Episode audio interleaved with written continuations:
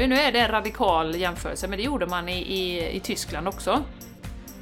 Under andra världskriget. Det gjorde man. Man sa att det här är för en egen trygghet, det är för en egen säkerhet och så gick folk med på i princip vad som helst. Det var inte det att de var onda, utan alla gick med på det. Det var liksom ingen som ifrågasatte. Eller det var det kanske, men inte så många.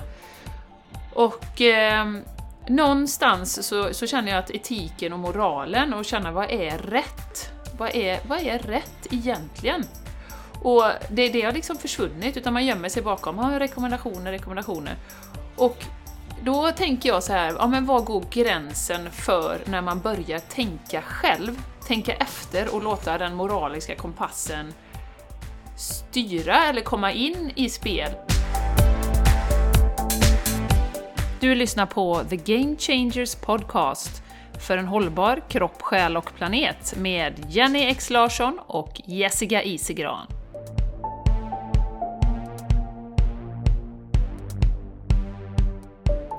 Hej, hej, hej, hej, hej och hjärtligt välkomna till Bättre brudar i Borås. Ja, vi suger lite på den titeln. Är inte dålig. BBB.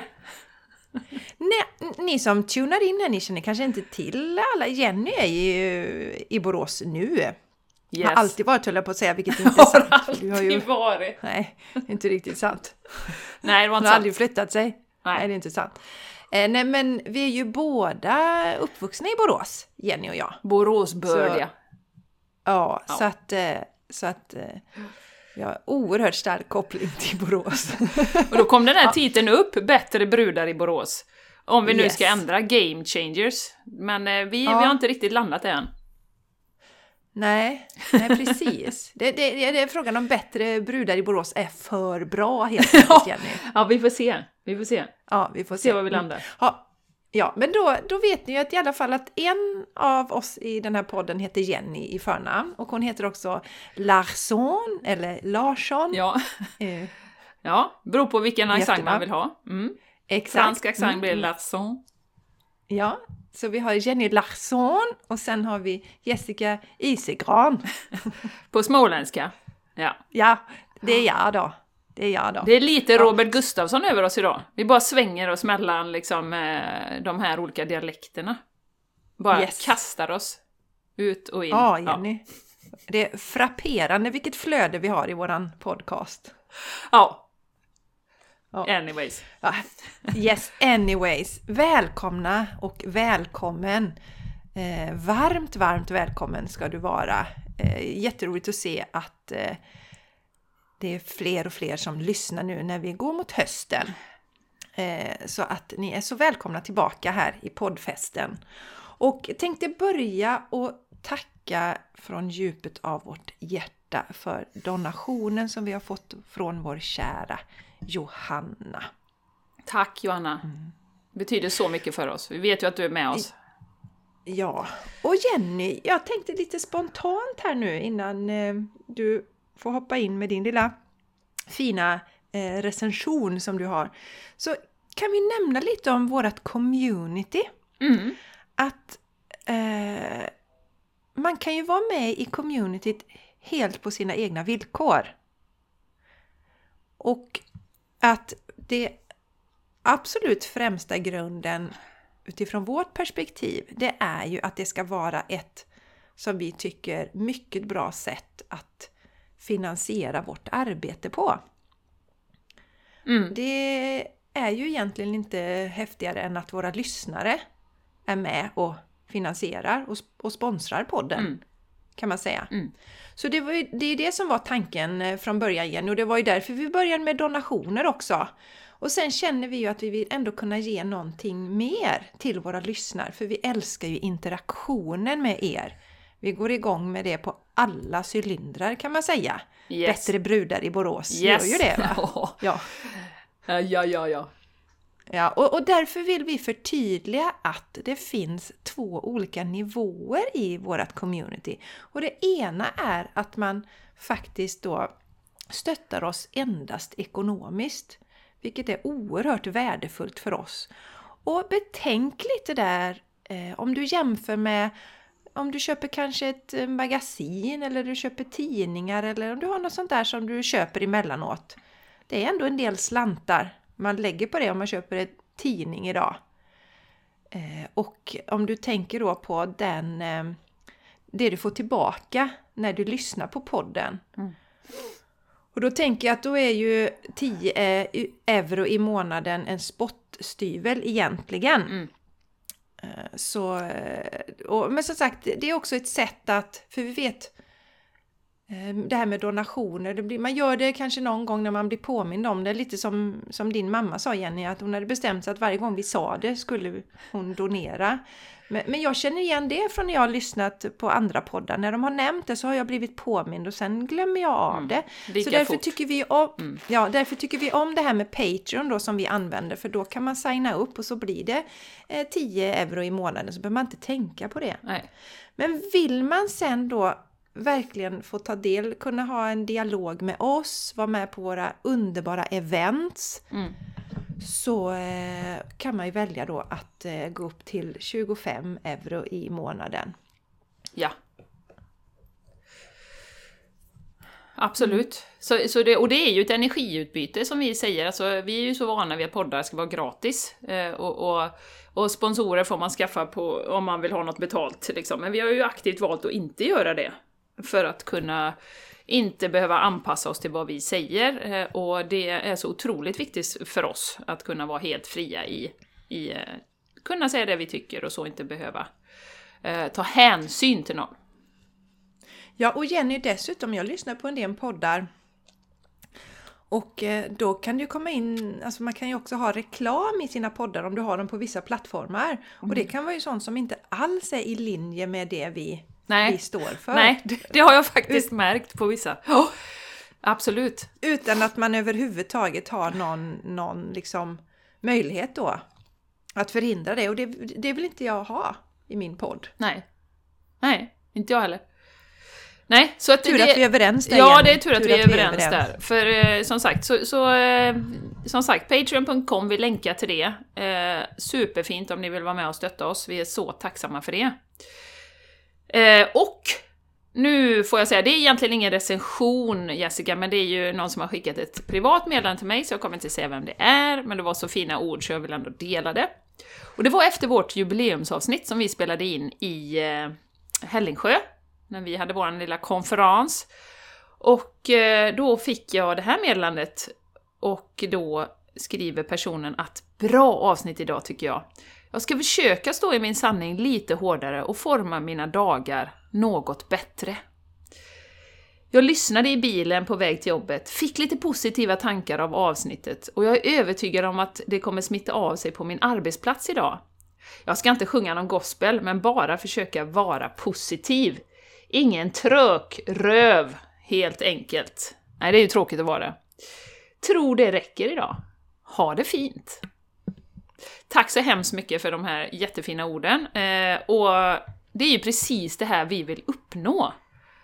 Att man känner sig lite stärkt, lite positiv, lite goda energier efter vår podd. Och det sprider ju sig som, om, om vi har då x antal tusen lyssnare och så tänker du hela det nätverket runt omkring er. Alltså det blir ju en fantastisk effekt och det är precis det vi vill uppnå. Så tack för återkopplingen, det är roligt att höra emellanåt att det har sån fantastisk effekt, våra avsnitt. Så eh, ja, tusen tack! Ja, och Jenny, innan du går in på Le Bubbel. Le Bubbel, du hade lite bubbligt. Du har ju badat med så du har en bubbel därifrån. Oj, oj, oj! Gud vad rolig jag är. Där kom Göteborgshumorn in där också. Min man brukar säga, det finns ju sån här, det finns ju sån här pappahumor. Jaha, Det, det, det är lite så här tramsig humor då. Nu kanske jag uppfattat det helt fel, men han brukar säga så till mig, Mattias, är det inte jag som är pappan här? När jag kommer med sån pappahumor då. Ja. Ha, ja, ja, ja, var fattar ingenting. Ja, nu byter vi. så- Nej, Jenny förstår ingenting. Jag fattar Ni ingenting. som lyssnar, om ni Ja, förstår någonting ni förstår, så kan ni, så ju kan ni skicka till. Jessica. Ja. Ja. om ni förstår Ja. hennes humor så är det bra. då är det någon annan. Ja, då har du, är du inte ensam så att säga. Mm. Nej, väldigt skönt. Slippa vara ensam. Ja. Jenny, det blir svårt idag att inte nämna någonting från våran fina communityträff vi hade i, Igår. ja, ja, igår då, när vi spelar in detta, Mm. så att säga. När du lyssnar så är det ju en vecka sedan. Ja, i alla fall så ville vi ju dela med oss det här av hur man kan få in en enkel yogarutin i sin, i sin vardag. Ja, Så då delar vi våra bästa tips hur vi faktiskt gör, Mm. få in den här rutinen och varför vi tycker den är så viktig. Mm. Varför yoga är en sån viktig del i våra toolkit ja, eh, i vårt liv helt enkelt. Eh, och sen så avslutar vi ju med att dra änglakort också Mm. för communityt. ja, det gjorde vi. Och vi hade en sån fin meditation också, om jag får säga det själv. Och det får jag. Som vi säger på den här Anti-Jante-podden. Där har, vi, där har vi ytterligare ett namnförslag. Anti-Jante-podden. Ja, Det var en fantastisk eh, meditation som du ledde i Jenny som gjorde att man sen inte riktigt hade lust att komma igång för man var så oerhört avslappnad. ja det blir ju den. Eh, ja, och, och det är ju så här att det är ju, alltså man får så himla mycket i vårt community. Ja, Du får ju en sån här härlig meditation som hjälper dig att landa mitt i vardagen en tisdagskväll. ja, Så börjar vi ju alltid med det att landa. Ja. Och inte sällan vi börjar med en meditation för att verkligen grunda oss. Mm. Så att eh, man känner sig verkligen upplyft och inspirerad men ändå lugn och harmonisk Ja. efter en sån kväll. Ja, Och igår skönt, det blev, Jenny, det blev ju så att du visade eh, lite av ditt yogapass och så la jag till några övningar som, som jag brukar ha också. mm. Som inte du visade och det var så himla gött att göra lite yoga på kvällen. Och Ja. sen så... Jag sov ju Sov som gött. en eh, rakad gnu sen. Ja, jag har hört att de det. sover jättebra nämligen. Så att, Jaha, ja, de gör det. speciellt släkte då. Ja, de har inga hår som killar de nämligen, så att de sover jättedjupt. Ja. Ja, Ja. jag förstår. Vad skönt. Så, så, så att jag kan bara hänga på det Jessica och säga att även för oss är det ju, det är ju lite som podden, vi får ju massa energi av de här träffarna. Jag var lite, jag har varit lite stressig på dagen, eh, ganska mycket liksom på mitt uppdrag, tankarna var någon helt annanstans. Och så när, jag väl, när vi väl sätter oss då och har de här träffarna så bara allting försvinner och det är så härligt och så roligt.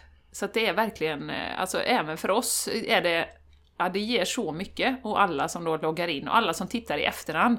För att det spelas ju in så att man behöver ju inte vara med. Och det kan ju vara svårt en tisdagkväll, vi hade ju någon tjej som hade eh, läggning med barn och så, ja men då kan man ta det i efterhand. När man hinner. Så att eh, det är väldigt mycket plus med det. Eh, Och det var Ja, underbart, var det. ja, Jenny och jag tänkte vi ska bara göra lite reklam för nästa träff då. Mm. Som är, om inte jag är helt fel ute och cyklar, det är söndagen den 26 september. Klockan sju på kvällen så har vi lite mingel. Mm. Mm. Där vi träffas och snackar lite och, ja men som man gör, tjötar av sig lite. Ja, pratar om det som är viktigt. Och Ja. ofta blir det ju att vi pratar om vad, vad har vi just nu i livet, var står vi? Ja men en del kanske då som vi hade förrförra, eh, ont i kroppen eller det är någonting som händer som är utmanande och så får man så mycket stöd från, från eh, communityt. Och också bara att få prata om viktiga saker och landa i det. Och det kan hända att det blir någon liten meditation där också och, och sådär. Så att eh, vi Ja, flödar ju väldigt vi- mycket beroende på vad som behövs. Ja, precis. Det blir säkert något och säkert något änglakort också. För Som det tycker vi upp. alla är väldigt roligt. Ja, det tycker vi. Det är jättekul. Ja, det och som vi sa igår, att vi är inte beroende av änglakort om ni nu skulle tro det. Inom citationstecken. Utan det är ett roligt, bara ett roligt krydda. Vi vet redan allt det som kommer fram genom korten egentligen. Om vi bara tar oss tid att lyssna. Men det är, det är en kul, ett kul verktyg helt enkelt. Inte mer Ja, än så. Mm. Nej, man får bekräftelse på sina meddelanden kan man säga, sin intuition. Ja, exakt. Eh, Väldigt bra. Så som sagt, eh, eh, sätt gärna en notering i kalendern den 26 september eh, klockan sju. Och eh, är du inte med i communityt så signa upp nu Ja, så, det är dags. så är du med Mm. på eventet. Mm, det är dags. Eh, så, ja, Ja, ja. ska vi bubbla Ja, lite då? Ja, du hade lite blubb, blubbel. Lite bubbel. Ja. Som jag ville dela idag. Jag eh, håller på att läsa en bok som heter Radical Awakening. Och det är en kvinna... Av Dr. Shefali tror jag hon heter, jag kan länka till den boken här sen. Eh, hon, eh, hon är då läkare eller psykiater och har under många år haft olika klienter, terapi och så vidare och så vidare. Och det som är så intressant med henne är att hon har ju eh, sett igenom systemet, så hon beskriver väldigt mycket om eh, de kulturella eh, normerna som liksom sätter fälleben för oss.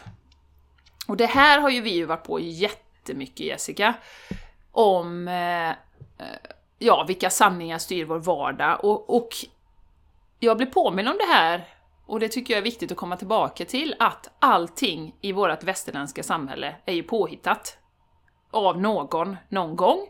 Det kan vara kyrkan, det kan vara ett gäng gubbar som satt och, och ville tjäna pengar, det kan vara eh, något politiskt parti, det kan vara... Alltså det finns så mycket i våra samhälle och allting är påhittat från början. Och då kommer hon in på det här med eh, äktenskapet och hur mycket fälleben den, det paradigmet sätter för oss. Och då, då pratar hon om något som, som var väldigt intressant och det är att innan vi så att säga, om man går tillbaka till naturstammarna, naturfolken, ursprungsbefolkningar, så var det så att 83% tror jag det var, hade alltså en eh, då patriarkaliskt, att det var männen som hade flera kvinnor. Sen var det ja, typ då 15-17% emellan där som hade, eh, där man var, höll ihop med någon hela livet, och sen var det några procent där det var kvinnorna som hade en massa partners då. Och eh, just det här att med den här institutionen med äktenskapet, att egentligen kanske det inte är så naturligt för oss att ha en partner hela livet. Utan ser man tillbaka så hade framförallt männen, men även kvinnorna, hade flera partners under sitt liv. Och eh, om man då lutar sig tillbaka och tittar lite på det här då, framförallt då kyrkan, om man tittar i väst, är det ju som har, äger den här institutionen, att vi går och gifter oss och sen ska du lova evig trohet. Eh, och i, i, svåra tider, nöd och lust, och så vidare. eh, det vet vi ju, det känner vi alla till. Och sen också då när man skiljer sig, Jessica, och det här har ju du gått igenom, eh, hur, vilket enormt misslyckande det ses som. Från alla håll och kanter. Det är ett misslyckande för, för när man ser från föräldrarna tycker det är fruktansvärt och kompisen och vad hände här? Och, och, och så vidare. Och jag vet, jag har ju en, en kompis som, som har skilt sig två gånger och, och jag menar, föräldrarna där var ju liksom i upplösningstillstånd. Du tyckte det var ett sånt stort misslyckande och sådär. Och, och just att man, och mycket klander som vi lägger på på männen då, som biologiskt kanske är wire, mycket mer wirade, vill jag säga nu, men lagda åt att liksom, ja, man kikar till på någon tjej för att man har det biologiskt i sig. Och hur mycket skam man får för, ja men vad gör du, tittar du på det? Och, och liksom eh, de här sakerna. Så att jag kom att tänka på det, eller det landade väldigt djupt i mig det här med vilka fälleben det kan sätta för oss, den här synen vi har på att vi ska minsann vara trogna med en partner hela livet. Och det ska vara så lyckligt och, det, och skiljer man sig så är det ett gigantiskt misslyckande. Från alla håll och kanter då. Så, och det är inte det nu att jag vill uppmana till att vara otrogen, det är inte det jag säger. För, för jag berättade detta för Martin här om kvällen liksom. Han bara ja, Ska du gå på jag frikort ska du, ska, ska jag frikort ja, nu? Nej men han tittar på mig och sa ska du gå ut på fredag eller ska du gå på krogen? Eller vad är det? vad vill du göra? Ja. Vi, Jenny, vi ska ju på retreat. Ja, vi ska ju på treat. Ja, precis. Treat ourselves. Treat ourselves, yes. Men eh, så att återigen, att, att titta på alla de här sanningarna. Också pratar hon om det här med, eh, med lyckliga barn, att man vill ha barnen så lyckliga hela tiden, så de ska må bra och de ska, det ska vara så lyckligt som möjligt. Och det har vi ju pratat mycket om, att låta dem få ha sina känslor. Men också där att om något barn blir deprimerat eller något, liksom, det är någonting som händer, de får, det händer någonting med dem, så ser vi då också så, då går vi direkt till oss själva. Vad har jag gjort nu? Vad är detta som är fel här? Och så vidare. Men alltså att det är bara en utopi att barnen ska vara glada och att det ska liksom... De har, måste få ha sina up, ups and downs också. Eh, och det kommer så mycket, nu är hon ju från USA, eh, så det kanske är ännu mer där du vet, happy family och, och vi allihopa eh, ska vara lyckliga och får inte gå någonting snett för då är det ett misslyckande och sådär. Förlåt Jenny. nu får Jessica ett breakdown. Ja, var det så roligt? Ja. Nej, det var att vi började klä av oss här Jenny, både du och jag. För det hettade till lite där innan ju. Ja. Med, med äktenskapet och, och, och otrohet och grejer va. Då, då, då klädde vi av oss båda två på varsitt håll. Ja, men jag hade ju en jättetjock flis på mig här när jag började prata om Ja det. men jag med! Jag hade en jättetjock tröja här. Det är kul när man Ja. i sin podd liksom tar upp någonting som man tycker är väldigt viktigt och så det enda Jessica har att säga liksom brister ut i fniss. Det tycker jag är härligt. Tack för, Jag tar inte dig på allvar. Nej. Tack för den reflektionen. Nej men Jenny, jag tycker att min spontana reaktion under skrattet då, det var ju att den där boken vill jag läsa. Ja, För att eh, jag har ju tänkt, du, kan, du ska få fortsätta att bubbla sen, men jag har tänkt samma just kring det här med äktenskapet. Och där har vi ju våran fantastiska eh, inspiratör eh, Julie Pyatt. Som, som har en skilsmässa bakom sig och hon har ju aldrig pratat om det som ett misslyckande överhuvudtaget. Hur kan det vara ett misslyckande? Vi fick två fantastiska barn tillsammans och så. Eh, det, hon väljer att inte se det på det sättet. Så det tycker jag är jättespännande. Och sen tycker jag att det är superviktigt för vi har ju väldigt, alltså om barnen mår dåligt, precis som vi alla har eh, liksom rätt till att känna ibland, då blir det ju inte bättre av att vi föräldrar skuldbelägger oss. Nej. Så viktigt är det. Det är väldigt viktigt, Mm, mm. det du säger. Vad har hon mer för spännande då? Nej, men eh, jo, hon sa också, det var ett citat som var jättebra, just det här med sex då, hur vi är så olika på dem, och det har jag nämnt någon gång innan i den här boken.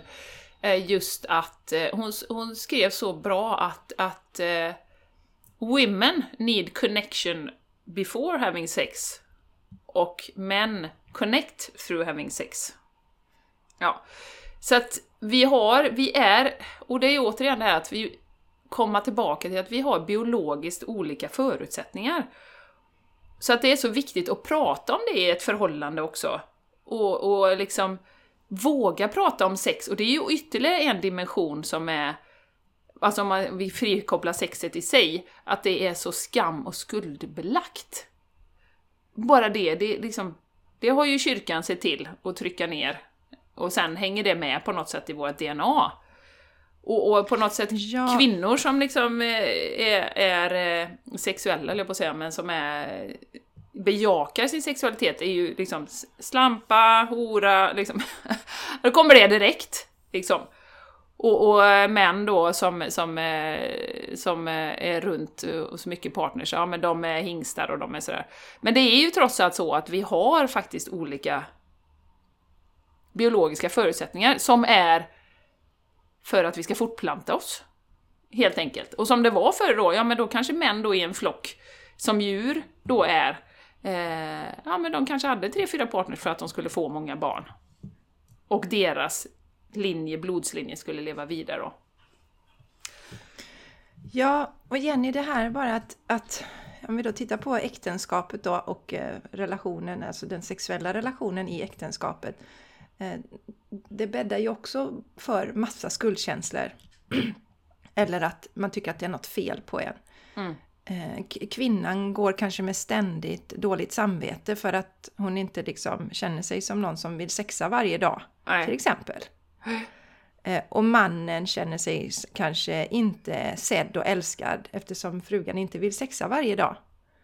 Så att vi tar ju det, vi, vi har ju, vi är ju så, vi är så programmerade till att inte tro på oss själva och nedvärdera oss själva att vi hela tiden liksom ser oss själva som misslyckade i det då. Mm. Mm. Vilket ju bara gör att vi kommer ännu längre ifrån varandra i relationen. Därför att om män, nu generaliserar jag här, kanske som känner sig då eh, inte älskad om kvinnan inte har sex eh, på det sättet som mannen känner att han vill.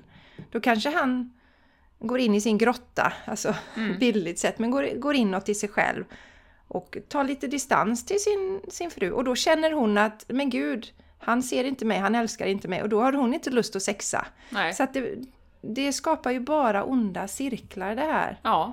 Eller att man går utanför, utanför ja, ja, äktenskapet då och, och ja. är otrogen. Och det kan ju ja. både män och kvinnor göra, givetvis. Ja, det är ju inget så. För att få bekräftelse ja. från utsidan då. Mm, mm, mm. Så att, eh, och så är det jätteskamfyllt då på alla sätt och så. Eh, men nu ska vi ju då, som du sa, det är inte så att vi uppmuntrar till att man ska vara otrogen, utan som i alla eh, situationer så ta hand om sig själv. Man ska, vi ska inte tro att vi har ju inte våra partner för att de ska göra oss lyckliga. Det är en sån jätteviktig mm. grej. Utan vi har alla ett eget ansvar att ta hand om vårt eget mående. Ja. Att, att liksom jobba med oss själva där. Då har vi alla ett eget ansvar.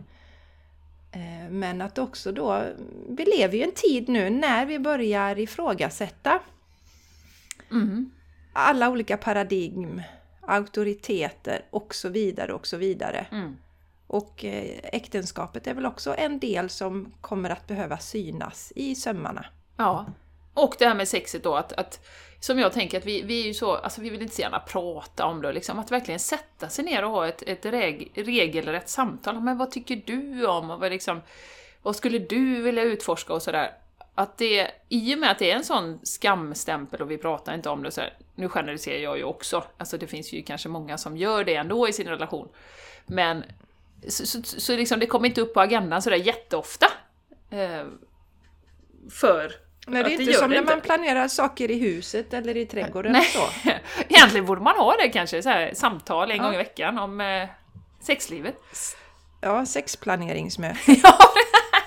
ja, precis. Nej men just det, att det trycks ner så fruktansvärt och det var också en sån här, ja det, det gör det ju. Och det är, ja. det är jag menar, det är bara, jag ser på mina tjejer redan, vill ju inte liksom beröra, alltså nu okej, okay, nu är de tonåren och så, men, men det hänger ändå så mycket i samhället att oh, prata inte om det, det är smutsigt och det är fult och det är oh, snuskigt och oj oj oj. Så. Och det är, som sagt, delvis kan ju hänföras till tonåren, men, men delvis så, så skulle jag ju, vi försöker ju verkligen uppmuntra en, en öppen dialog och att vi kramas och pussas och så i familjen. Liksom. Att det inte blir något stigmatiserande runt i alla fall. Så att, eh, nej, det var några poletter där som tänkte, ja, så mycket vi liksom skuldbelägger oss själva då, som sagt, om man skiljer sig eller så. Utan istället för att se som du säger att, ja men, det var väl, den perioden var slut. Och nu går jag in i något annat. Eller nu går vi in i något annat. Och det jag efterlyser är ju en, en connection snarare. Det är som vi har sagt många gånger att, jag menar, jag skulle ju aldrig alltså man ska aldrig säga aldrig, men jag tror inte jag skulle kunna vara otrogen och sen titta Martin i ögonen. Alltså, vi har en så pass djup relation så jag skulle nog inte kunna dölja det. Eh, så att det är ju, allting handlar ju om den här connection och att, att liksom utveckla relationen och vara nära varandra. Och ju närmare, ju mer vi kan prata om det här också, alltså sexlivet och, och hur vi kan utveckla det och vad vi kan göra för varandra, så desto närmare kommer vi också. Så att det inte bara faller undan bara för att samhället inom citationstecken har stämplat och hijackat den här fantastiskt fina, fina, jag ska inte säga ritualen, men, men eh, alltså som, som det är i livet egentligen. Så ja, det var lite tankar från den boken. Radical ja, Awakening. Mm. Mm. Ja, den, den lånar jag gärna av dig sen. Ja. Jag har ju också mm. Outwitting the Devil som du ville låna. Ja. jag ja. många böcker Ja, det blir mycket att läsa som vanligt. ja, som vanligt tre, fyra böcker på, på ja. nattduksbordet. Ja. ja. Härligt. Eh, ja! Du, var... du hade något mer där, Daniel? Ja, jag hade en liten sån här bubbel till som, som eh, dök upp igår när jag var ute och gick. Och då var jag en liten, vi kan kalla det meditationspromenad. Det är när jag inte har någonting i öronen. Då är jag bara går och tittar på träden och sådär. Och min relation till, till eh, meditation eh, är ju lite... Vad ska man säga? Jag ska inte säga komplicerad, men jag är ju inte den som kan sitta lika länge som du Jessica, en timme. Det, det, liksom, ja, det, det går, jo det går, men det är inte det jag gör. Och eh, så gick jag där och småfunderade på det här med meditation, för det går ju upp och ner och just nu är jag inne i en period när det är lite mindre eh, meditation. Och då, då tänkte jag så här, men jag har ju fått till mig så många gånger, jag är ju klarvetande. Alltså jag bara vet ju saker. Så.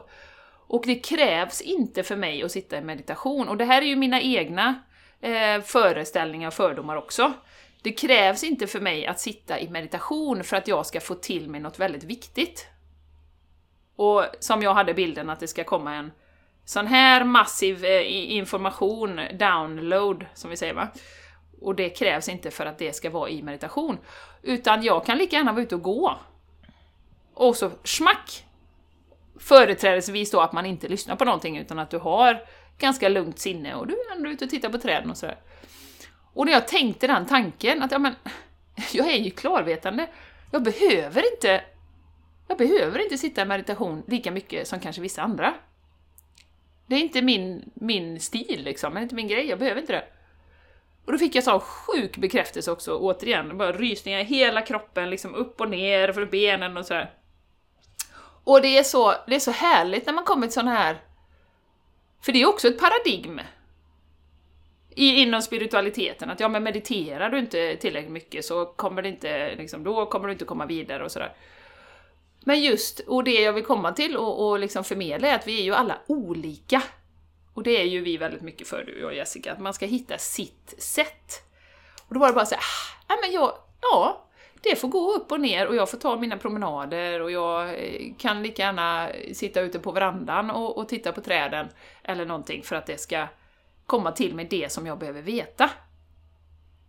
Så, eh, och så för mig bakåt i tiden, kanske inte så mycket på, på senare tid, men det har ju skapat lite dåligt samvete att jag inte tycker att jag har liksom mediterat tillräckligt då.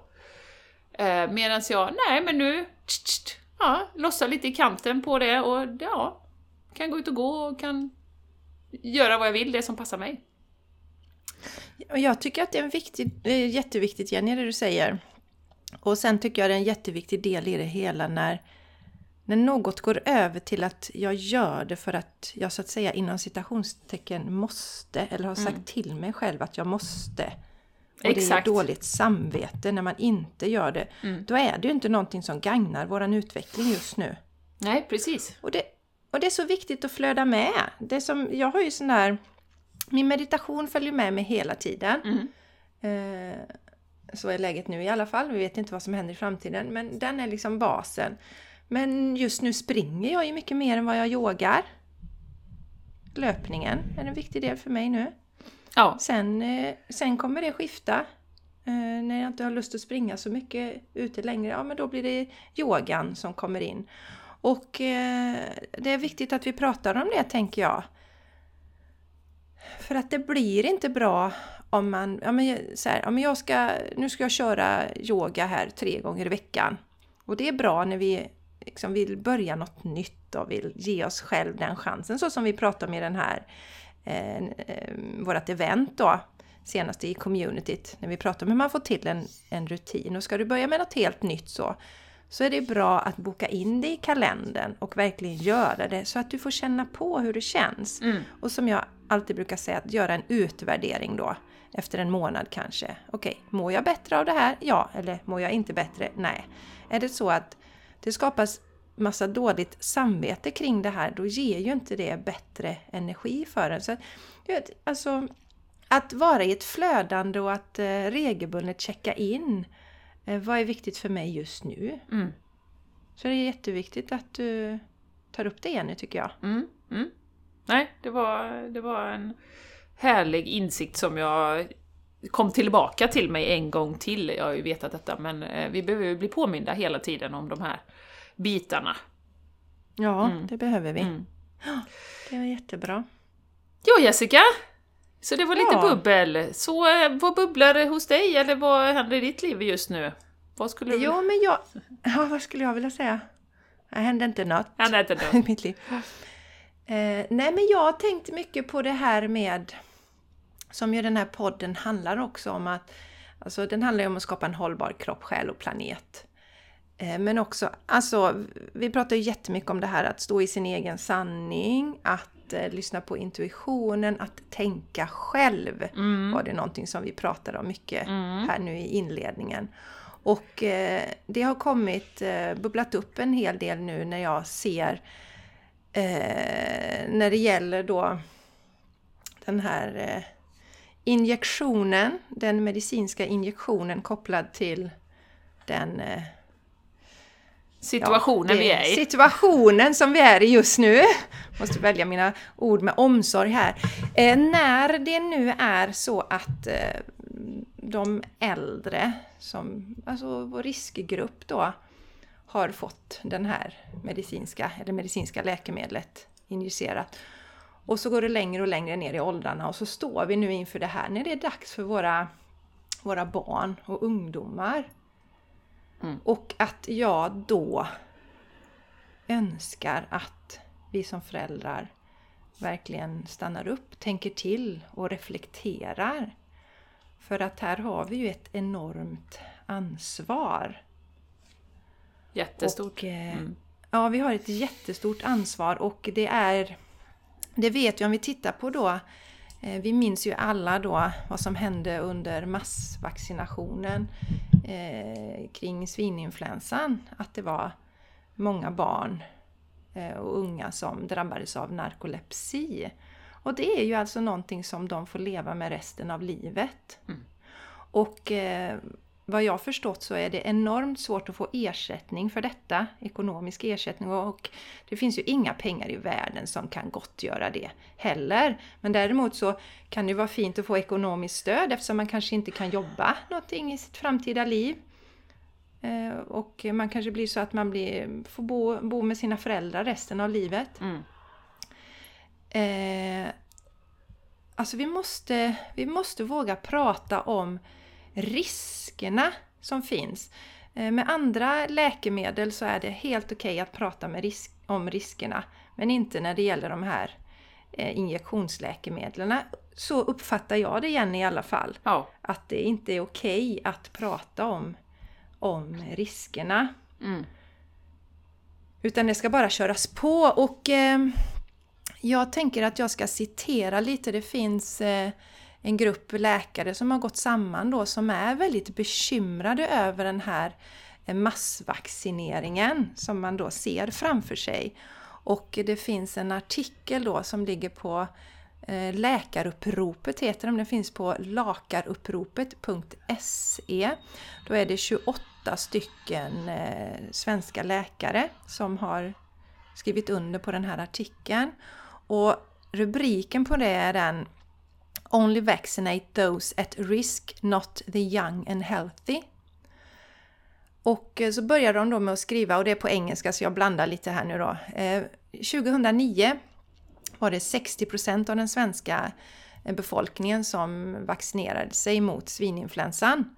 Och professor Hans Rosling, känner väl de flesta Mm. till, eh, kallade den pandemin för en mediahype. Det varit väldigt intressant att höra hur han hade uttalat sig i det som pågår nu i världen. Och immunologen Ann-Katrin Engvall varnade att massvaccination kan göra mer eh, eh, harm än good. ja. Med- Skada än vad det gör gott. Skada heter Mm, det. mm. Ja. Och åtminstone 350 svenska barn och unga utvecklade då narkolepsi efter det här vaccinet Pandemrix som innehöll nya komponenter som inte tidigare hade använts då eh, i det här kontextet. Och eh, några år senare eh, i Sverige och Norge då eh, så visade det sig, som, som också hade haft en massvaccination av sin befolkning, så visade det sig då att vi hade mycket svårare influensasäsong än andra länder. Mm. Och så står det This suggests that the protective effect offered by the vaccine was at best temporary, att det var bara tillfälligt. Och att eh, det resulterade att de här eh, länderna faktiskt fick eh, vi ska säga, uh, they were hit harder when the swine flu virus subsequently developed into a seasonal virus. Så att vi blev mycket, vi blev mer sjuka när det här förändrades då. Eh, och så står det att många av de vaccinerade individerna utvecklade en bredare T-cellsimmunitet mot virala eh, proteiner. Vilket eh, gjorde att de blev mer mottagliga för virala varianter. Och så står det, gör vi samma misstag nu 2021 då? Eh, och sen så skriver de då lite siffror, Jenny. Mm, alltså eh, i fler än 85% av fallen eh, så är ju det här dödsfall i covid-19 länkade till en eller flera underliggande sjukdomar. Och att det då primärt så är det ju äldre och väl, alltså väldigt gamla som drabbats hårt av detta. Och, eh, och så skriver de att massvaccination av unga friska, av en ung frisk eh, population är inte medicinskt eh, försvarbart. Tvärtom det är associerat med vissa risker. Till exempel den dödliga koaguliseringssjukdom som vi eh, nyligen har sett då, är bara ett exempel. Vi, ska där, vi borde därför bara vaccinera de som är över 65 och de som då har riskfaktorer då kopplade till detta. Och det jag ser är att det finns ju ingen sån urskiljning utan ut med det till alla, rädslan styr och ingen, ingen vill tänka på konsekvenserna. Nej. Och eh, jag vet ju att en del skolor nu går ut med där de erbjuder vaccination till, till ungdomar. Och om man då skriver och eh, ifrågasätter detta så möts man av svaret att vi följer Folkhälsomyndighetens rekommendation. Mm. Men man tar ju faktiskt på sig ett ansvar, tycker jag. Mm, mm. Där. Men det är ju där vi har hamnat, Jessica, lite grann att oavsett, alltså vi gömmer oss bakom det här att ja, vi följer bara rekommendationerna, vi följer bara rekommendationerna. Och eh, den frågan som jag skulle ställa, och det gjorde man ju också i, nu, nu är det en radikal jämförelse, men det gjorde man i, i, i Tyskland också. Under andra världskriget, det gjorde man. Man sa att det här är för en egen trygghet, det är för en egen säkerhet och så gick folk med på i princip vad som helst. Det var inte det att de var onda, utan alla gick med på det. Det var liksom ingen som ifrågasatte. Eller det var det kanske, men inte så många. Och eh, någonstans så, så känner jag att etiken och moralen och känna vad är rätt? Vad är, vad är rätt egentligen?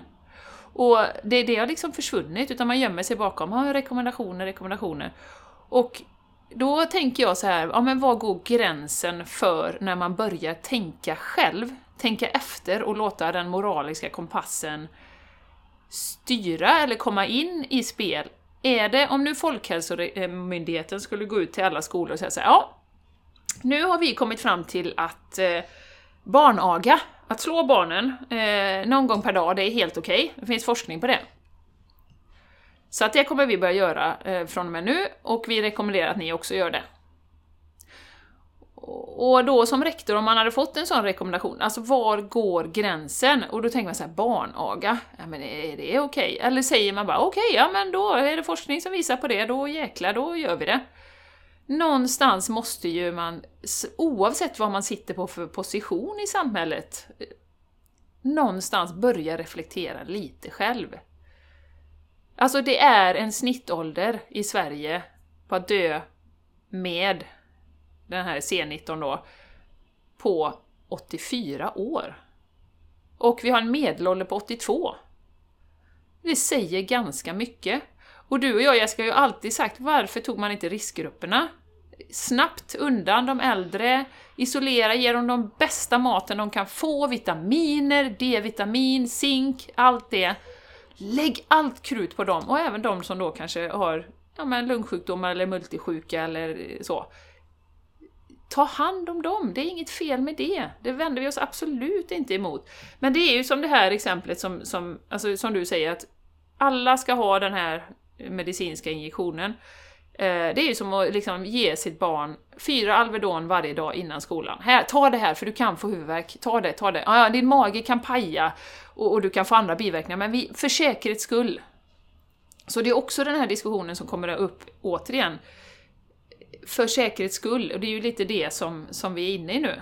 Eh, men vi ser att bland barn och unga finns ju inga som helst risker att bli svårt sjuk. Sen att media har tagit över, och, alltså mainstream media då, och, och lyfter fram något fall då och då. Eh, som, ja den var minsann ung och frisk. Men någonstans måste vi börja tänka själv och faktiskt titta på statistiken. Och tittar man på statistiken så finns det ingenting att vara rädd för. Och även om man blir lite rädd, alltså hur länge ska vi vara rädda? Och är du jätterädd, då har du ju faktiskt ett val att sitta hemma själv då, jobba hemifrån, gå inte ut och träffa någon om du är jätterädd. Men någonstans måste vi också ha ett personligt ansvar. Oavsett var vi sitter. Ja, verkligen. Och det som jag då också eh, efterlyser verkligen, det är ju det då att eh, som, alltså är man förkyld och har eh, förkylningssymptom, då är man ju alltid respektfull gentemot dem man träffar. Det har jag alltid varit. Mm. Eh, det jag ser nu är ju att Alltså det som tidigare kallades förkyld, det är nu covid-19 symptom. Och då ska man gå och testa sig så fort höstförkylningarna kommer. Ja. Så, alltså det, alltså det, mm. det är ingen rim och reson. Och vi har ju landat i det också, det här med att vi är rädda för varandra. Vi är rädda för andra friska människor runt omkring oss. Mm. Ja, men för, det är också det, ja, men för säkerhets skull så kramar vi inte någon. Mm. Eller våra nära och kära och mm. sådär va. Mm. Mm. Ja. Så att, och, och, och ja, med all respekt, nu har man eh, liksom den här eh, snacket pågått i över ett år. Alltså, vi är så lättprogrammerade. Vi är så lättprogrammerade. Mm. Så att... Eh... Ja, och det, om vi ska plocka tillbaka det eh, lite som vi har pratat om innan, att har du fullt upp, jobb, barn, liksom, du bara springer fram och tillbaka, du läser nyheterna, eh, sväljer det med hull hår, för det är vi programmerade att göra. Och, och det, jag säger inget om det. det. Så är det bara. Många litar till 100% på, på det som kommer ut i, i media. Men man ska också vara medveten, någonstans måste man ju ha en liten medveten om att det är ändå människor som väljer vad vi ska få till oss. Det är företag som vill ha klick, alltså kommersiella företag som vill ha klick, som tjänar på att dra upp, blåsa upp så stort som möjligt kring eh, olika saker som är katastrofnyheter. Och om man bara har den medvetenheten att ja, men det, det vi får till oss generellt är ett jättefiltrerat flöde. Och vi har ju följt censuren på, på Youtube, vi har följt censuren på olika... Alltså det är så många som eh, ifrågasätter som bara blir deplattformerade, de bara plockar bort det. Och det kan vara i den spirituella världen och det kan vara läkare och det kan vara... Bort med det bara liksom, oj, där kom den ner! Det kan vara, det kan vara jurister, oh, välrenommerade jurister, advokater. Mm. Ifrågasätter du det här rådande narrativet, bort, bort! Och, och, så vi har ju inte en balanserad värld där ute, utan vi vill ju ha en öppen dialog. Mm. Mm. Men den saknas ju och det märker du inte förrän du börjar lyfta på stenarna. Och det är ju det har ju vi ägnat eh, en hel del tid till att göra Jenny. Ja, eh. ja. Och det finns ju andra kanaler. Jag, jag, skulle vilja nämna det om man inte känner till till exempel BitChute. Vi kan länka till det här nere. Som inte censurerar, vad jag vet i alla fall. Eh, det finns en, en tidning i USA som heter Epoch Times, som jag har, får nyheter ifrån, som jag känner intuitivt är hyfsat eh, neutrala, man kan ju aldrig vara 100%, så är det ju. Men verkar visa båda sidorna av, av många aspekter, eh, så att säga. Så att eh, bara man är medveten om att det är otroligt filtrerat, och det är inte så konstigt att man då liksom bara köper det och man är i den här situationen att ja, men jag orkar inte. Dessutom är det jättejobbigt att, att vända hela sin få hela sin världsbild krossad. Det vill säga den svenska godtroheten. Eh, att vi vill så gärna tro gott om alla. Från regeringen till läkemedelsbolagen eh, till liksom Folkhälsomyndigheten. Vi vill tro, de vill vårt bästa. Eh, det är inget tvivel om det. Eh, men någonstans, som sagt, om man ser historiskt sett, när vi bara har följt order, när vi bara har gjort som vi blir tillsagda, så har det inte gått så jävla bra. Så någonstans behöver vi börja tänka lite själva och faktiskt ta oss den tiden. Ja, men jag lyfter på den här stenen då, jag vågar det. Jag, jag vågar titta här och se vad som, vad som eventuellt är riskerna. Jag menar, om man har ett barn och man funderar på att ge den här injektionen, vad är riskerna? Läs igenom det då och sen fatta ett informerat beslut ta det inte bara för att, läka, eh, för att eh, gymnasieskolan måste få ihop 100 pers, annars kommer det inte ut någon läkare och vaccinera. Liksom, det, det, är så befängt, tycker jag, i min värld då. Så... Ehm, ja, det, det, och som sagt, jag tycker det är en jätteintressant frågeställning att diskutera. Var går gränsen för när vi bara köper rekommendationer med hull och hår? Och det har jag ju sen, sen länge tillbaka, ska jag säga, det kan jag tacka mina föräldrar att jag är lite ifrågasättande, men också nu sen jag har sett kontrasten Spanien, Spanien-Sverige. Över en natt så fick man inte gå ut och man fick inte göra någonting och det var poliser som var på det direkt. Man bara, men hallå, de här rekommendationerna. Och nu har ju Spanien blivit fällt, det var ju... Eh, gick ju emot deras konstitution och, och ha eh, sådana lockdowns och sådana extrema åtgärder. Det har de ju bestämt beslutat i, i högsta domstolen. Så det var ju felaktigt enligt deras lag. Men det säger man i efterhand och det kommer ju inte ut i någon, någon media. Det får man ju verkligen gräva Nej. för att få fram. Och skadan är ju redan skedd. Ja, skadan, skadan är, redan, är skedd. redan skedd. Skadan är redan skedd. Absolut. Och nu vet jag det att ja, men så, så finns det säkert många som tänker ja, fast, fast det är ju inte så himla lätt att veta. Det finns ju mycket osäkerhet, men jag vet ju att det, det finns ju så många pålästa forskare, läkare som har mejlat våran regering. Man har sett till att diarieföra det, att det har tagit, tagits emot. Eh, så att eh, de, de, de känner till de här grejerna. De känner till att, eh, att eh, det inte är försvarbart med till exempel som vi hade det här, eh, när vi hade distansundervisning för våra ungdomar. Det finns ingen nytta med det för barnen, tvärtom. Nej. Det skapar mycket ohälsa hos våra ungdomar. Mm. Men, man, men, man, men man struntar i det liksom. Ja. Så att, eh, jag vet inte. Någon slags flathet. Och jag tänker på det Jenny också. Jag tror inte att eh, jag tror inte att, eller rättare sagt jag vet att majoriteten av människor är inte onda. Nej. Utan det är just det där vi har blivit programmerade till, att inte ifrågasätta auktoriteter. Mm. Mm. Absolut. Så, så att eh, det är inte så att alla som jobbar på inom mainstream media eller alla som jobbar inom läkemedelsbolag, att de är på något nej. sätt där Eller sjukvården, onda. eller nej, absolut nej, inte. Ingenting, nej, nej. Jag vill bara poängtera det, mm. men det är det här när vi, vi Vi har ju det här inom oss, vi, nej men det här, det här känns inte bra liksom. Men om nu, alltså vi har ju den här flockmentaliteten eh, också. Vi följer flocken. Det är viktigt för oss att inte vara utanför flocken och att vi lyder auktoriteter och då är det svårt att lyssna på. Vi har ju aldrig fått lära oss det att, men du Jenny, det du känner inom dig, det är sant för dig. Mm. Känns det här konstigt så säg nej. Mm. Stå upp för din sanning. Det har vi ju inte fått lära oss under våran uppväxt och inte i skolan. Det är ingenting vi lär oss där. Nej. Sen, eh. sen, sen, är det ju, tycker jag personligen, eh, skrämmande när jag nu hör att det finns företag i Sverige som, om du ska komma in på, på kontoret så måste du ta den här läkemedelsprodukten. Eh, och det är realitet. För ett och ett halvt år sedan var det konspirationsteori. Nu är det realitet. Och där får man ju också förstå människor. Jag menar, du är ensamstående mamma. Eh, du kanske egentligen inte vill ta eh, någon läkemedelsprodukt i förebyggande syfte. Men vad sjutton, men jag vill ha kvar mitt jobb, jag måste ha kvar mitt jobb, vad ska jag göra? Och det krävs en enorm styrka att stå emot det här grupptrycket. Och om man då dessutom bara har blivit matad, ja men de här injektionerna är bra, det finns inga risker överhuvudtaget. Och bara, ja men jag tar det då. Jag, jag, jag gör det då. Liksom, så att det finns ju en jättestor eh, påtryckning. Och även jag vet andra arbetsplatser som, som frågar, ja, har du, har du tagit båda injektionerna och är du liksom så.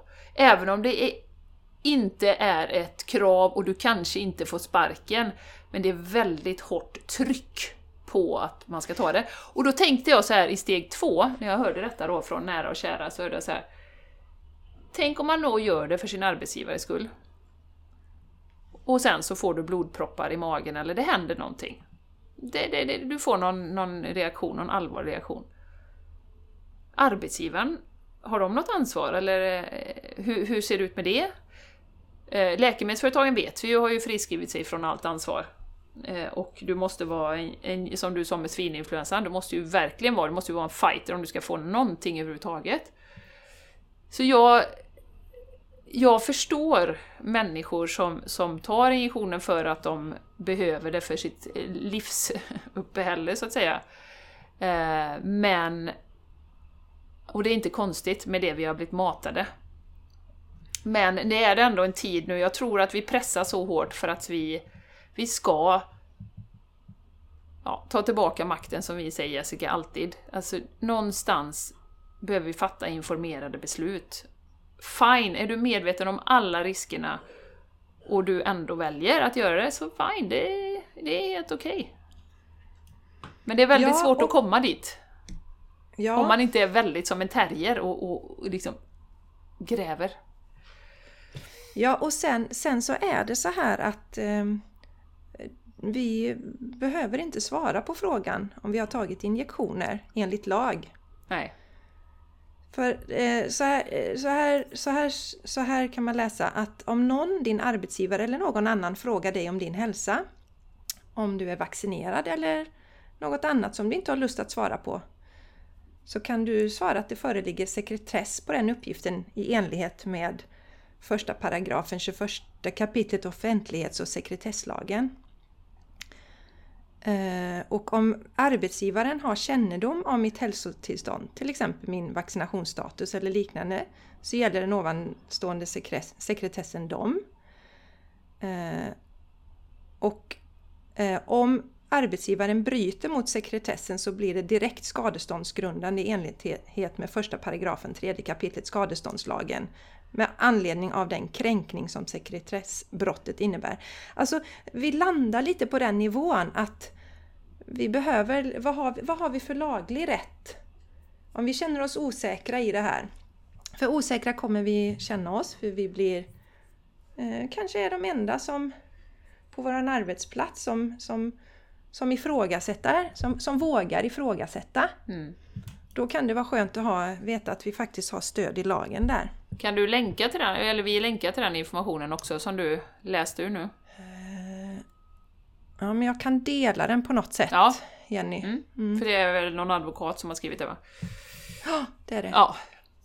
Så det är, eh, nej det är superviktigt. Och, och, bara alltså, tänka på konsekvenserna. Alltså att, att man inte bara köper det och så, så kanske man vaccinerar alla sina barn, om man nu har barn, eller sig själv.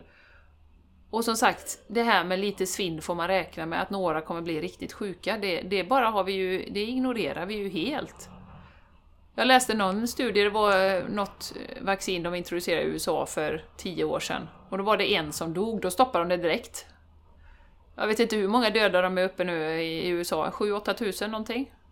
Nej, 13 000. Aha, 13 000. Nästan närmare 14 000 när jag kollade senast. Ja, 14 000 som en direkt konsekvens av den här injektionen. Ja, och det är kanske en liten procent av x antal miljoner då. Men det är trots allt 13 000. Och är man en av de 13 000, eller närstående till en av de 13 000, då, då tror jag inte man, man köper in på den här lite svinn får man räkna med principen. Eller 300-400 000 nu som har fått riktigt allvarliga konsekvenser i USA. Och det är väl ungefär samma siffror i EU, skulle jag tro, senast jag kollade. Så... Eh, och, och då, är det ju, då, då finns det ju studier som visar att det är en underrapportering eh, av biverkningar. Därför att eh, man känner ju heller inte till, för, för det man får veta är ju att man kan få eh, influensaliknande symptom, ont i kroppen och sånt där. Mm. Men man känner ju inte till att man kan till exempel få neuro, neurologiska skador och sådär. Va? Mm. Eh, det var ju när det gäller eh, svininfluensan så var det väl eh, tror jag det var någon läkare som fick väldigt många fall och började undra vad, vad konstigt liksom, vad är den gemensamma faktorn? Och det var så det uppdagades då. Mm. Så att folk är inte, och jag har ju nämnt detta tidigare, jag tror att kanske nästan alla som lyssnar på den här podden vet inte att MS är en biverkan av resevaccinet. Mm. Vi känner inte till det och då rapporterar man ju inte det heller. Nej. Alltså, då gör, rapporterar man inte det som en biverkan om man får MS efter ett sånt vaccin. Så, att, så som sagt, det är en underrapportering också. För att vi har en sån oerhört stor tilltro till just det läkemedlet, vilket är så intressant för att andra läkemedel har vi en eh, mer realistisk syn på tycker jag. Vi vet det att det finns biverkningar och det känner väl alla till när det gäller äldre människor att de får ju väldigt mycket läkemedel som tar bort biverkningar av tidigare läkemedel. Det är inga hemligheter. Nej. Men just när det gäller de här injektionerna så om man ifrågasätter så blir man stämplad som eh, antivaxare eller Ja, vaccinmotståndare. men det är ju en medveten Men- strategi. Ja men det är Ja. ju Jenny, men Ja. det är viktigt att, att börja fundera på varför är det så? Om jag eh, liksom berättar det att min, eh, min eh, mamma hon har ju sjukt mycket mediciner då varav en stor andel är för att eh, ta bort de biverkningarna som de andra medicinerna eh, liksom ger så är ju inte jag en anti-läkemedels eller en läkemedelsmotståndare eller antiläkemedlare Nej. Till exempel. Nej. Va? Så att det är livsfarligt det vi har landat i. Livsfarligt Mm, mm, mm. att vi inte får ifrågasätta saker utan att bli stämplade som idioter eller foliehattar eller Mm. någonting sånt.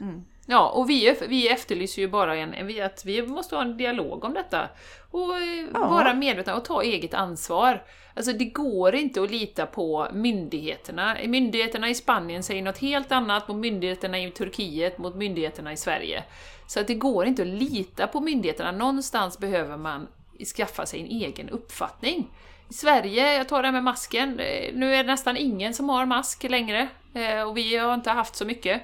I Spanien går alla, och då har de tagit bort eh, rekommendationerna nu att ha munskydd, men det är ändå folk som går med det för säkerhets skull. Så, så Man har att, blivit så ja, programmerade. ja, precis. På, på ett annat plan då. eh, Så, så att det är Ja. precis tvärt, två olika linjer. Vad är bäst? Yes. För oss? Ja.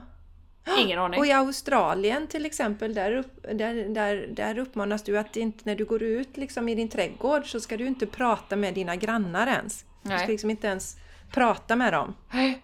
Även om det är liksom en bra bit ifrån. Så att det är så mycket tokerier om man börjar titta utanför mainstream media Ja. och faktiskt ser de här sakerna så är världen helt upp och nervänd. Ja, och i Australien är ju samma nu. där rekommendationerna är, eller jag tror att det är starkare rekommendationer, att du får inte, du får inte motionera mer än en, eh, 10 kilometer från ditt hus, du får inte gå flera i affärer, eh, Eh, du får inte bara gå runt och titta i affärer, det är, förbjudet liksom. Eh, så att Alltså friheten är starkt begränsad och det är ju det jag har sagt hela tiden, att egentligen handlar det inte om läkemedelsprodukten. Kunde inte skita mer högaktningsfullt i den eh, faktiskt, utan det handlar om mänskliga rättigheter. Och vad ska myndigheterna bestämma eller inte bestämma? Alltså vi ska väl ändå få, få liksom bestämma över vår egen rörelsefrihet och, och vårt eget liv. Alltså för mig är det, det är klockrent, solklart. Ja. Så att det, det är... Ja, som alltid en reality check som jag säger hela tiden. Och då förringar jag inte någon som dör, jag förringar inga dödsfall, jag förringar inte de som dör i cancer, som dör i hjärt-kärlsjukdomar, alltså ingenting. Men ligger det människor döda i drivor här ute omkring dig? Alltså det, det är ingen... Det, det står ju ingen proportion till det som sker, det är det som är så viktigt hela tiden. Och säger man det, då är man hjärtlös också. Mm, mm, mm. Ja. Eh, Nej, så att, och vi tror ju på ett, ett, ett högre plan, att vi vi behöver pressas för att fatta att vi har makten över våra egna liv. Eh, Sen är det en massa tragedier på vägen och det är ju det som är så sorgligt och som gör att man blir lite nedstämd ibland. Eh, och då får man dra Ja. tillbaka fokuset till sitt eget liv. Okej, vad kan jag göra för att hålla mig själv frisk? Hur kan jag bidra med min positiva energi?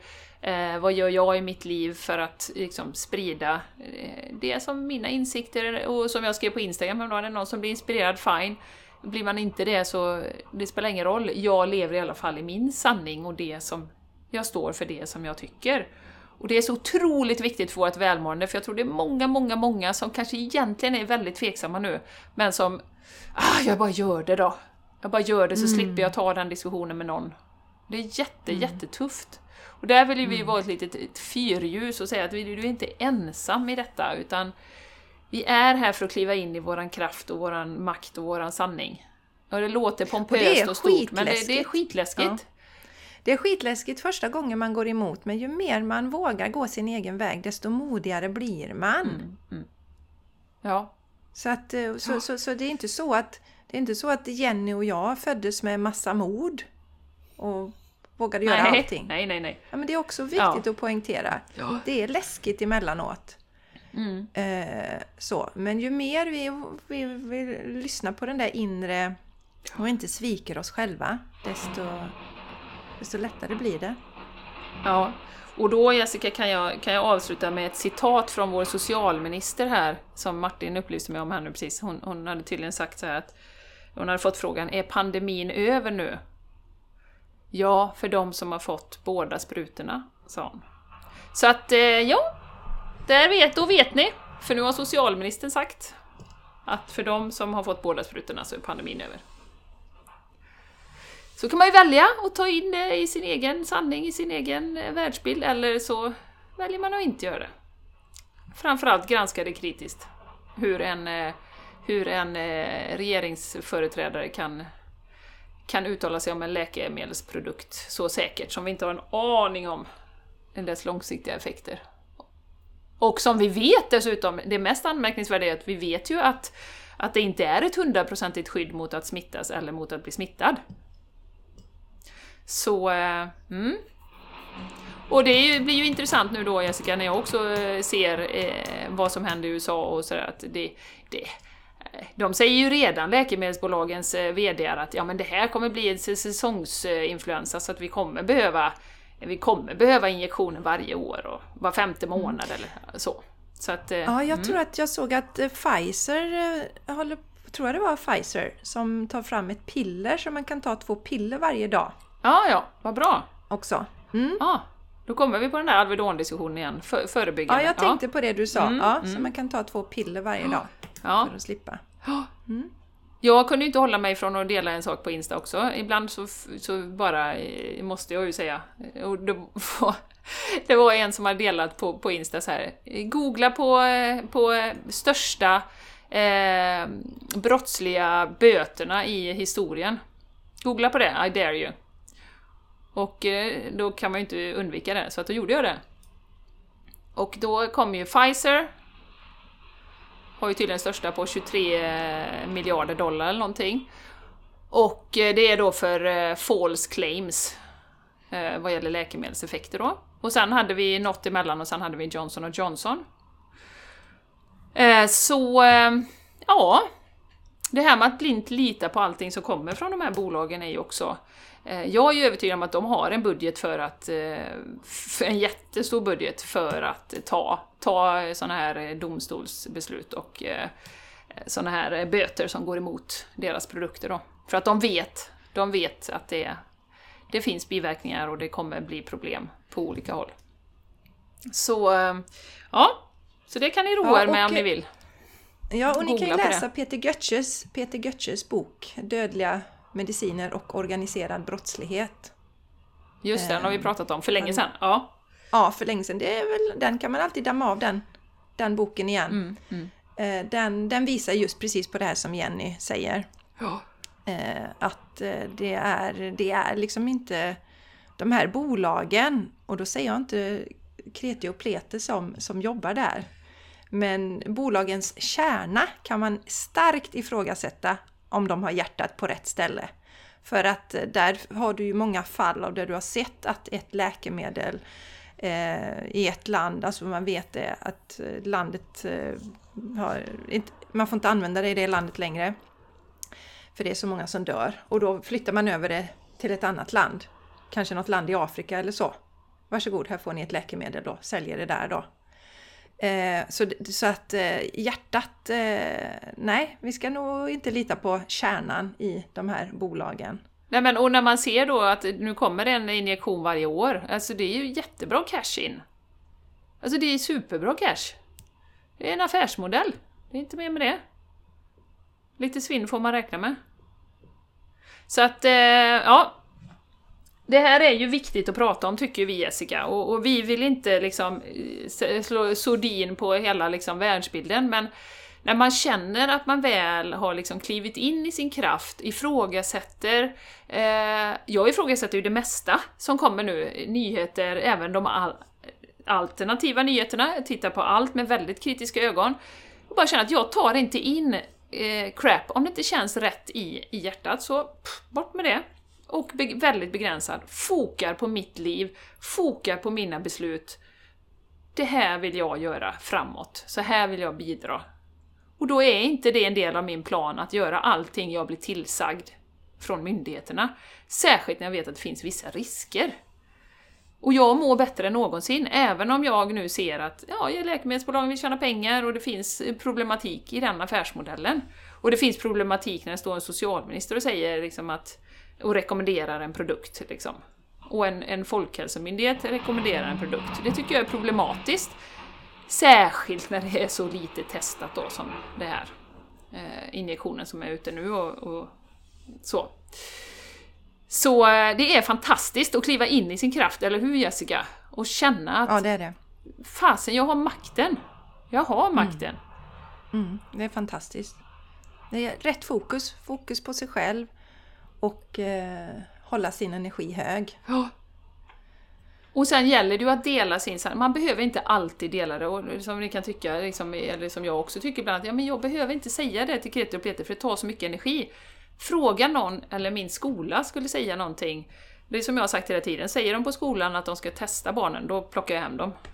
Det, det, det går inte jag med på. Det har de inte gjort än så länge. Så att det, ja. Så att det gäller ju att, att välja sina strider och att... Eh, men även... Men Jenny, jag, jag tror också att det är eh, inte ti- tillåtet enligt lagen. Att det är bara en rekommendation, det är ingenting du kan tvinga nej, på någon. Nej. nej. Så det är viktigt att vi känner till det. Oh, absolut. Mm. Så att vi kände att vi behövde ha en liten, eh, liten incheckning med det här med var, var går gränsen för att göra som man blir tillsagd? Och att tänka själv och låta hjärtat styra, låta etiken och moralen, vad är rätt och fel i min värld? Eh, vad, är, vad, vad tycker jag är okej och inte okej? Och om jag då väljer att gå vidare till exempel med att ta injektioner, ja men sätt dig in i vad det finns för risker. Och särskilt för barnen, för nu hettar det ju till. Barn då som inte är myndiga, som inte då liksom kan bestämma själv. Det, det, Ja. det är viktigt. Ja, och jag tänkte, jag har tänkt lite på det också som de skriver i läkaruppropet då. Den här maxvaccinationen då. Mm. Att eh, det här då när, när vi långt ner i åldrarna springer och vaccinerar oss, att det eh, sannolikt då kommer att påverka hur sjuka befolkningen blir sen under influensasäsongen. Mm.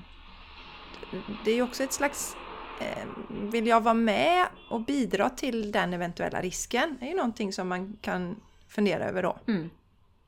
Absolut. Ja Jessica, men du vill länka till alla de här eh, artiklarna och, och eh, jag tänker även BitChute om man vill kolla in det om man inte har gjort det och även eh, Epoch Times som jag tycker är okej som nyhetskälla. Eh, Jag vågar inte säga något mer. Nej, för jag, jag kan tänka så här att även om man som, som vuxen tänker att ja, men jag, jag väljer att ta det här läkemedlet så kanske det är fler ändå som eh, funderar ett extra varv när det kommer till barnen och ungdomarna. Och då kan det vara bra att veta lite vad har jag? Vad kan jag hitta? Lite mer eh, nyanserad information Mm, absolut. än det som, som jag matas med då i narrativet. Mm. Ja. Ja, Ja, ja Jessica, nu eh, ska vi eh, knyta ihop den här påsen. ja, den här lilla säcka-läcka-läckan. Säcken. Det handlar ju som vanligt att, eh, som vi alltid säger, stå i din egen kraft. En övning. Vi övas i detta nu mer än vi någonsin har gjort. Ja, Hela jordens träningsläger. Mm. Det är ett himla intensivt träningsläger. Och man, jag tänker så här att det blir svårare och svårare att sticka huvudet i sanden. Ja, ja. Eh, så att någonstans kommer vi alla, tror jag, tvingas att våga stå upp för våran sanning, hur jädra obehagligt det än är. Att vi kommer komma i någon situation där vi kanske uh, måste säga nej fast alla andra säger ja. Och eh, det är så vi utvecklas. Mm. Det, tänk, tänk på hjältarna i, i alla de här filmerna. De, det är oftast inte de som är de där stora och starka och tuffa utan kanske lite sådär lite försiktiga men sen så växer de under resans gång. De blir modigare och modigare och starkare och starkare. ja. Och det är lite så vi får se oss. Att eh, vi är de riktiga hjältarna även om vi inte kan se det i oss själva Mm. varje dag när vi ser oss i spegeln. Och vi har alla vår egen resa i olika steg. Man är inte sämre eller bättre för att man har kommit längre eller liksom... Eh, jag tänker om vi har någon lyssnare liksom som har tagit båda injektionerna, det är inte sämre på något sätt. Det, vi har vår egen resa och det, jag har ju en övertygelse att allting är ju meningen på något sätt. Alltså har man nu gjort det och, och känner att ja, men det var rätt för mig, ja men fine, då är det liksom, då kommer det kanske någon annan situation sen när man kommer då kliva upp, eller kommer andra, liksom det, det, det är ingen fara, utan vi har våra egna resor, vill jag säga. Ja, Mm. ja, ja jag, eh, jag, eh, jag eh, följde ju narrativet 100% när svininfluensan var. Mm. Och eh, skulle gå och låta mig injiceras själv men han blev sjuk innan. Mm. Och då tänkte jag ju redan då att ja men då är det ju ingen idé för nu har jag redan varit sjuk då. Mm. Men lät ju injicera ett utav barnen och är oerhört tacksam att det inte drabbades då av den här narkolepsin. Mm. Så att säga, som sagt, vi är på olika resor och det är inget... Eh, ingen mår bra av att vi dömer varken andra eller Nej. oss själva. Nej, Så det, är inget, det gör vi inte på denna podden. nej. Och Nej. bättre brudar i Borås. Ja, Eh, tycker ni att det är ett bra namn eller? Är det något vi ska satsa på? Bättre brudar i Borås vill absolut inte döma några och där har vi ju gjort vår egen resa. Eh, Men vi har ju också den här podden för att säga våran sanning, det som vi, Ja. vi står för. Så att Ja. eh, har ni valt att tuna in så får ni bara eh, chew it up och vi hoppas verkligen att eh, ni eh, får några små bitar av eh, inspiration och att ni inte känner er nere utan att nej men jäklar, vi, det är en jättespännande tid ändå.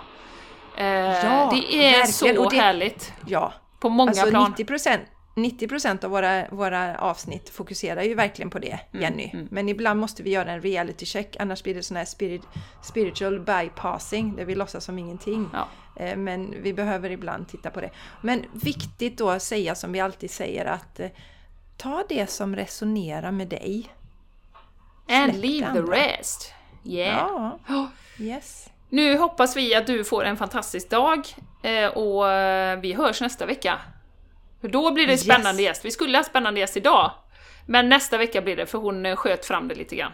Så vet ni det. Ja, Ja, Japp, så, så nästa vecka blir det en spännande gäst. Vi håller hela tiden så en cliffhanger. Ja, vi precis. Nästa vecka! det i 50 avsnitt framöver. Nästa vecka ja. det en men det blir det. Nej, ja, det blir det. Puss och kram, vi Ha älskar det dig! underbart! Ja. Ja. och ta hand om er och stå i eran kraft. Och det betyder också att ni inte ska följa det som vi säger. Nej, Utan följ ditt eget hjärta. yes, box! Stå i din eh, fulla kraft. Och en stor puss på dig. Ja, och kram! Ja. Hej då! Ha det så bra! Hej då! Hej då! Hej då!